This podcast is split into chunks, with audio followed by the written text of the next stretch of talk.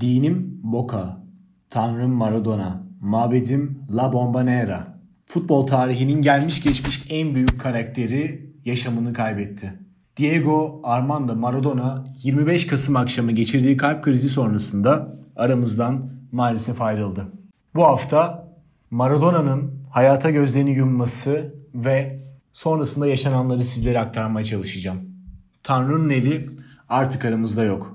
Hem saha içinde yaptıkları hem de saha dışındaki karakteriyle sanki iki farklı insan vardı. Bir tarafta Diego, diğer tarafta Armando. Ortaya çıkan ise futbol tarihinin gelmiş geçmiş en büyük karakteri olan Diego Armando Maradona. Hafızalarımızda onun 1986 Dünya Kupası çeyrek finalinde İngiltere'ye attığı özellikle iki gol vardır. Bunlardan bir tanesi Maradona'ya belki de şu anki lakabını veren Tanrı'nın eli. Diğer tarafta ise 6 kişiyi çalımlayıp attığı gol. Sadece 4 dakikalık bir fark vardı. İngilizler genellikle Tanrı'nın elini konuşur. Gerçek futbol severler Maradona'nın peşinden gidenler ise 6 kişiyi çalımlayıp attığı golü söylerler. Aslında İngilizleri de anlamak bir anlamda mümkün. Tarih 1982 gösterdiğinde İngiltere ile Arjantin Falkland Adaları Savaşı'na giriyorlar. Orada İngiltere'nin bir galibiyeti var ve bence Maradona o maçta İngilizlerin cephesini yarıyor. Ve kuralsız bir şekilde Arjantin'e üstünlüğü getiriyor. Bana göre ona yardım eden ise o maçta Tanrı'nın eliydi. İşte İngilizler bunu kabullenemiyorlar ve Maradona öldükten sonra bile bazı İngiliz gazeteleri aslında onlara biraz da küçük ölçekteki lokal gazeteler de diyebiliriz. O şimdi Tanrı'nın elinde manşetleriyle bile çıkabildiler. Oysa ki Maradona bunu hak etmiyordu. O günlere özel yaptığı bazı açıklamalar vardı. Aklımda kaldığı kadarıyla sizlere aktarmaya çalışıyorum. Maradona diyor ki o pozisyonda bir el varsa emin olduğum tek bir şey var. O Tanrı'nın eliydi. Evet gerçekten de o Tanrı'nın eliydi. Hatta öyle ki Maradona'nın kaybından sonra 26 Kasım sabahında Fransızların ünlü gazetesi L'Equipe Tanrı öldü manşetiyle okuyucularına gazeteyi servis ediyordu. Gerçekten de çok önemli bir karakterdi Maradona ve bir daha da öyle bir karakter, öyle bir futbolcu da eminim ki gelmeyecek. Başka bir Maradona olmayacak. Futbol dünyasındaki diğer önemli isimlerin açıklamalarına baktığımızda da mesela Pep Guardiola'nın dikkatimi çeken bazı ifadeleri olmuştu. Guardiola diyor ki birkaç yıl önce Arjantin'de bir pankart görmüştüm. Şöyle yazıyordu. Kendi hayatında ne yaptığın önemli değil. Bizim hayatımıza neler kattığın, ne kadar etki ettiğin önemli. Gerçekten de çok doğru.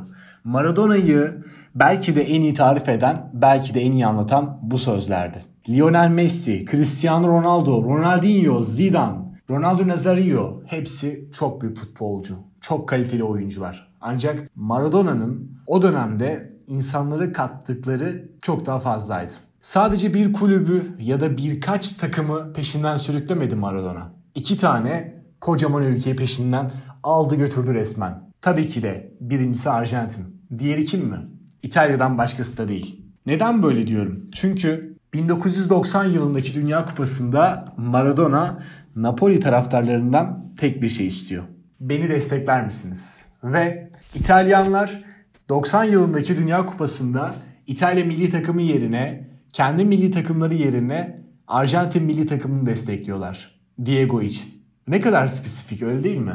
Ne kadar aslında futbolun hayatımızın çok önemli temel taşlarından birisini olduğunu gösteren bir argüman, bir done. Gerçekten de öyleydi. Maradona Napoli zamanında yanılmıyorsam 7 milyon dolara yakın bir bonservis bedeliyle transfer oluyor. O dönemler Napoli alt sıralarla orta sıralarda gezinen bir kulüp. Maradona için ödedikleri bu rakam gerçekten dudak uçuklatacak cinste. Napoli'nin önemli iş adamları, taraftarları, üyeler, İtalyan halkı hepsi birleşiyor ve Maradona'yı transfer etmek için kulübe bağışlarda bulunuyorlar. Ve Maradona en sonunda o formayı giyiyor.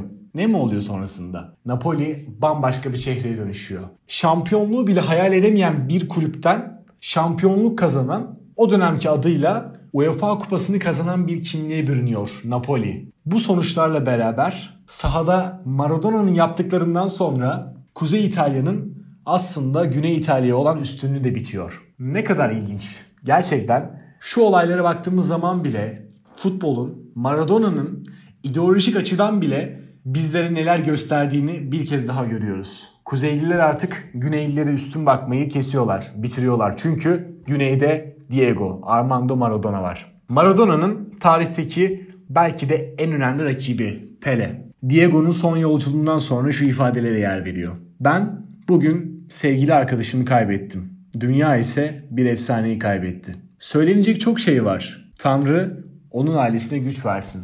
Umarım bir gün cennette beraber top oynarız. Çok anlamlı söz. Özellikle son cümlesinde umarım bir gün cennette beraber top oynarız. Gerçekten e, duygulandıran ve e, bütün spor kamuoyunun da ilgisini çeken bir e, cümleydi bana göre. Pele'nin bunları da söylemesi çok anlamlı. Lionel Messi ise Arjantin ve futbol dünyası için çok üzücü bir gün. Gidiyor ama bizi terk etmiyor. Çünkü Diego ebedidir. Onunla yaşadığım güzel anları asla unutmayacağım.